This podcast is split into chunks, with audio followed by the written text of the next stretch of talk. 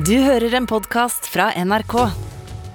Vi vet jo at det har vært noen eh, sportslige overraskelser. Eh, Har det vært noen positive eh, overraskelser som vi ikke ventet også? Vi får se.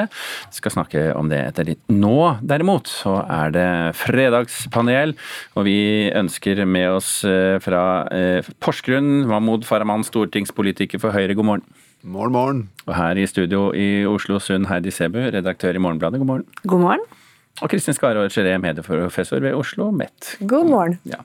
Vi bare hopper til første spørsmål, vi uten noe mer om og men. Før og under Qatar-VM har det jo pågått en kamp om ytringsfriheten. Mange spillere ønsker å protestere mot menneskerettighetsbrudd i arrangørlandet Qatar. Flere land har ønsket å bruke regnbuesymbolet på armbind for å støtte homofile, men Fifa har nektet og truet med straff. Og Som svar så holdt alle de tyske spillerne denne uken hånden over munnen på det offisielle lagbildet før kampen mot Japan for å illustrere at de føler seg kneblet. Så spørsmålet vårt er, og vi kan jo begynne med et ja- og nei-svar fra Porsgrunn, kommer protestene til å få Fifa og Qatar til å endre syn på menneskerettigheter? Lyst til å si ja, men ender opp med å si nja. Kristin? Jeg har lyst til å si ja, men ender på å si nei. nei. Ok, da begynner vi i Porsgrunn, eh, Farman.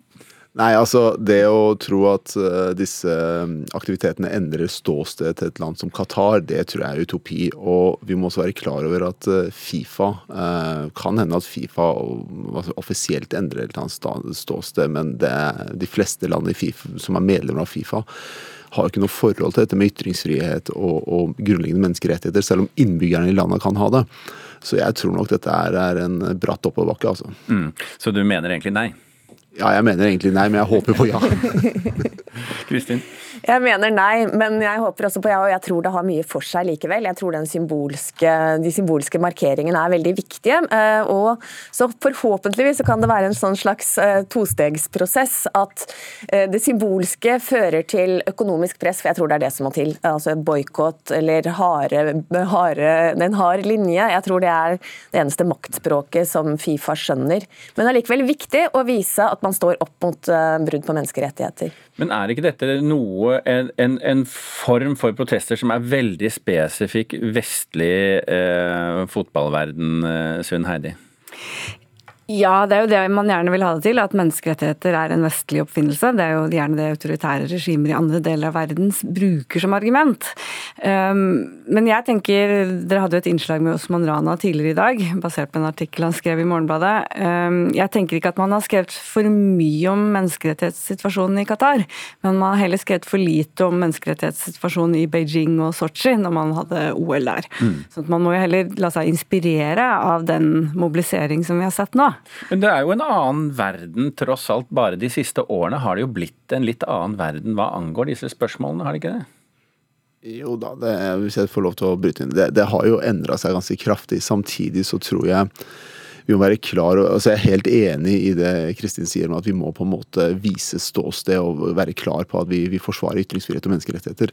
Men det å tro at gjennom disse handlingene vi får endra disse regimene og endra Fifa, det tror jeg ikke. Men gjennom økonomisk press og, og gjennom vedvarende fokus så kan det hende vi får endra retning. Sunn Heidi? Jeg tenker, om vi ikke akkurat får endra Fifa Qatar, så tror jeg i hvert fall at som sportsvaskingsprosjekt, så tror jeg ikke dette VM har vært så vellykka. For vi har aldri snakka så mye om menneskerettssituasjonen i Qatar som nå. Og det tror jeg også at de store annonsørene, f.eks. de store sponserne, får med seg. Så hvis man fortsetter å holde den fanen høyt, så kan det gå et lite skritt i riktig retning. Om jeg bare kan legge til en liten ting. Når vi ser på hvem som sponser både dette her og andre store fotballarrangement, så er det som TikTok, og det er kinesiske selskaper og den type ting. Og Gazprom f.eks. Hvorvidt disse selskapene som er så tett tilknytta til autoritære regimer, kommer til å bry seg, er det også et vesentlig spørsmål. Det er det, men det er også masse sånne idrettsklærmerker som mange av oss bruker når vi går på gymmen, så det kan jo kanskje begynne litt der, da. Vi, Ja, konklu vi, vi konkluderer med at det er lov å være håpefull, og så går vi til eh, neste spørsmål. For denne uken så kåret den eh, hva skal vi kalle det, løselig sammensatte organisasjonen Arkitekturopprøret Nasjonalmuseet til Norges eh, styggeste bygg. Samtidig så strømmer jo besøkende til dette museet i flokk og følge og bruker det med entusiasme. Så spørsmålet vårt er, vi kan jo begynne med Sunn Heidi nå. Har arkitekturopprøret kåret riktig bygg? Ja, til over seks milliarder. Kristin? Nei. Faraman? Eh, Ja, men nei. Sliter, altså. Du må, vi må ta deg på et lite kurs. ja, det må dere. Ja- og nei-svar her etter hvert. Men vi, eh, Sunn Heidi, hva, hva er bakgrunnen for ditt svar? Jeg tenker For de, de pengesummene som vi har brukt på det museet, eh, over 6 milliarder kroner, og den prominente plassen det tar i Oslo sentrum Jeg syns Gaute Brochmann, som skrev i Morgenbladet om eh, Nasjonalmuseet, sa noe veldig sånn vi ville jo aldri godtatt at et kjøpesenter av de dimensjonene skulle få lov å se sånn ut arkitektonisk. Eh, Det er jo ikke et veldig innbydende bygg, sånn at det, det er ikke noen motsetning med at man synes arkitekturen ikke er så innbydende, og at man liker kunsten på innsiden. For det er jo på en måte to forskjellige ting. Så kjøpesentre er eh, forbilder for uh... Nei, det var ment som en kontrast at eh, hvis man foreslo en tegning som så sånn ut, så ville man jo ikke godtatt det. Kristin? Nei, det er nettopp det. Det er ikke et kjøpesenter. Dette er et nasjonalmuseum som skal vokse inn i framtiden. Det er bygget i et veldig langsiktig perspektiv. Og denne Sjoverk, som han heter, arkitekten, har jo også sagt det. At han vil ikke ha sånn eh, døgnfluesignalbygg, kjøpesenterbygg. Han vil ha noe som skal stå der. Og jeg syns det er usedvanlig flott. Det er tungt, ja, og det er litt mørkt på avstand. Men så nærmer man seg, så ser man at den Oppdalsskiferen som er kuttet på tvers, har alle disse stripene og liv i seg. Og så kommer man inn, og alt er så gjennomtenkt, og det er så eh, gode materialvalg. Og det å ha kombinert disse tidligere tre-fire museene sammen, sånn at det nå er en sammenheng. Jeg er så stolt av det museet vårt, og jeg syns det er vel verdt 6 milliarder kroner. Det hadde jeg aldri trodd jeg skulle si. Der fikk du et ja og et nei, Faraman. Er du fremdeles på tja? Eh, Som medlem av finanskomiteen så mener jeg jo 6 milliarder kroner er voldsom pengebruk på, på, på denne klossen, men det får være. Eh, Jeg må si at jeg går forbi det jeg bygger hver dag, og jeg syns ikke den er særlig pen utvendig, altså, det må jeg si. Men at folk liker kunsten inni, det, det er så sin sak. Jeg har ikke vært inni der, så jeg kan ikke bedømme arkitektonisk eh, innvendig.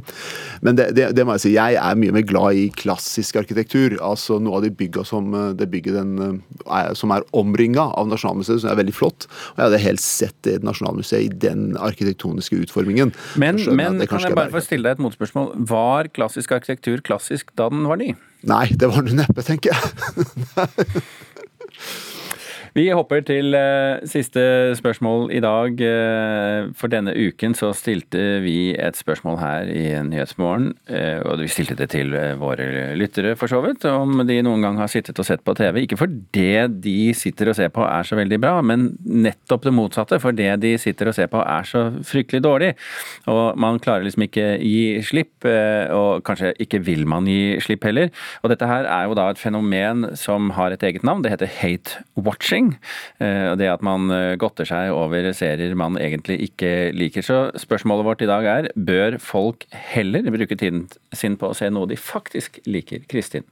Nei, nei. Mahmoud Farahman. Ja. Sunn Heidi. Nei. Kristin, hvorfor?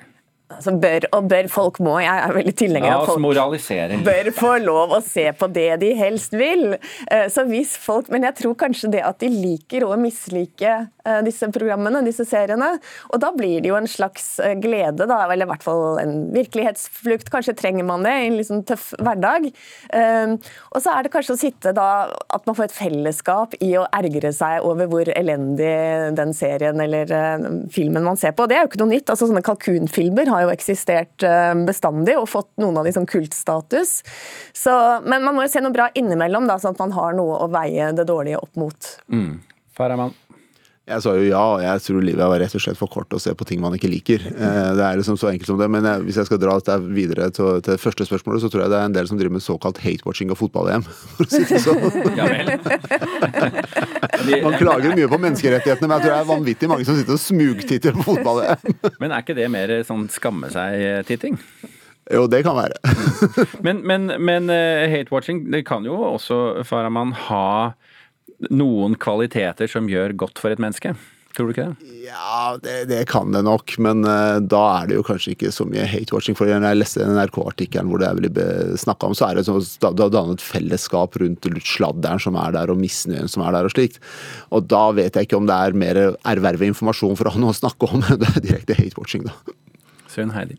Eh, jeg kjente meg litt igjen ja, da jeg hørte det innslaget på NRK. Jeg har sett f.eks. Emily in Paris. Det er en skrekkelig dårlig serie, og de kler seg angivelig moteriktig, men ser jo ut som narkomane på en måte i klesstilen. Eller i hvert fall, ja, som om de går på noe. Um, og det, noen ganger når jeg setter meg ned og ser på TV, så er det nettopp for adspredelse. Det er, eh, det er det samme grunnen til at jeg ser sport eller en dårlig serie. Det er liksom, nå skal jeg bare koble av. Mm. Er det veldig viktig for en redaktør i Morgenbladet å gjøre noe som er veldig lite morgenbladsk? Det er litt viktig, er det ikke det? At sånn at vi ikke blir sånn arketyper. deg, ja. Ja. jeg setter i hvert fall pris på at folk har flere sider. Mm. Kristin, eh, du er jo medieprofessor. Eh, Er hate-watching et, eh, et utbredt fenomen, vil du si? Det har ikke jeg gjort noen studier av, men, Men hvis du nå skal spekulere som ja, jeg tror det. Jeg tror det. Jeg tror at i hvert fall i perioder, og at det er noe Vi så jo denne her Tiger, Tiger-filmen, nei, serien under pandemien, eh, som blir også Tiger noe mange King. Tiger King, var det. Tiger, Tiger. Eh, og det blir noe som da man har å snakke om, og som eh, man forenes rundt. Og så er det det. Det er jo litt godt å være litt sånn forarget iblant òg, da. Så det er kanskje at man tar den følelsen og så, ja, så dårlig står det i hvert fall ikke stelt med meg. Og kan de gjøre det? Ja, det kan de faktisk. Og de følelsene der, eh, så tror jeg man går litt lei. Faraman, da er jo vi tilbake til spørsmål to også, faktisk, for å knytte det sammen. For du går jo, som du sa, forbi Nasjonalmuseet hver eneste dag og okker deg og sånn. Og er ikke det litt deilig, da? Jo, finne å mislike, noe å mislike er kanskje, kanskje en sånn undervurdert sak, da. Være enig.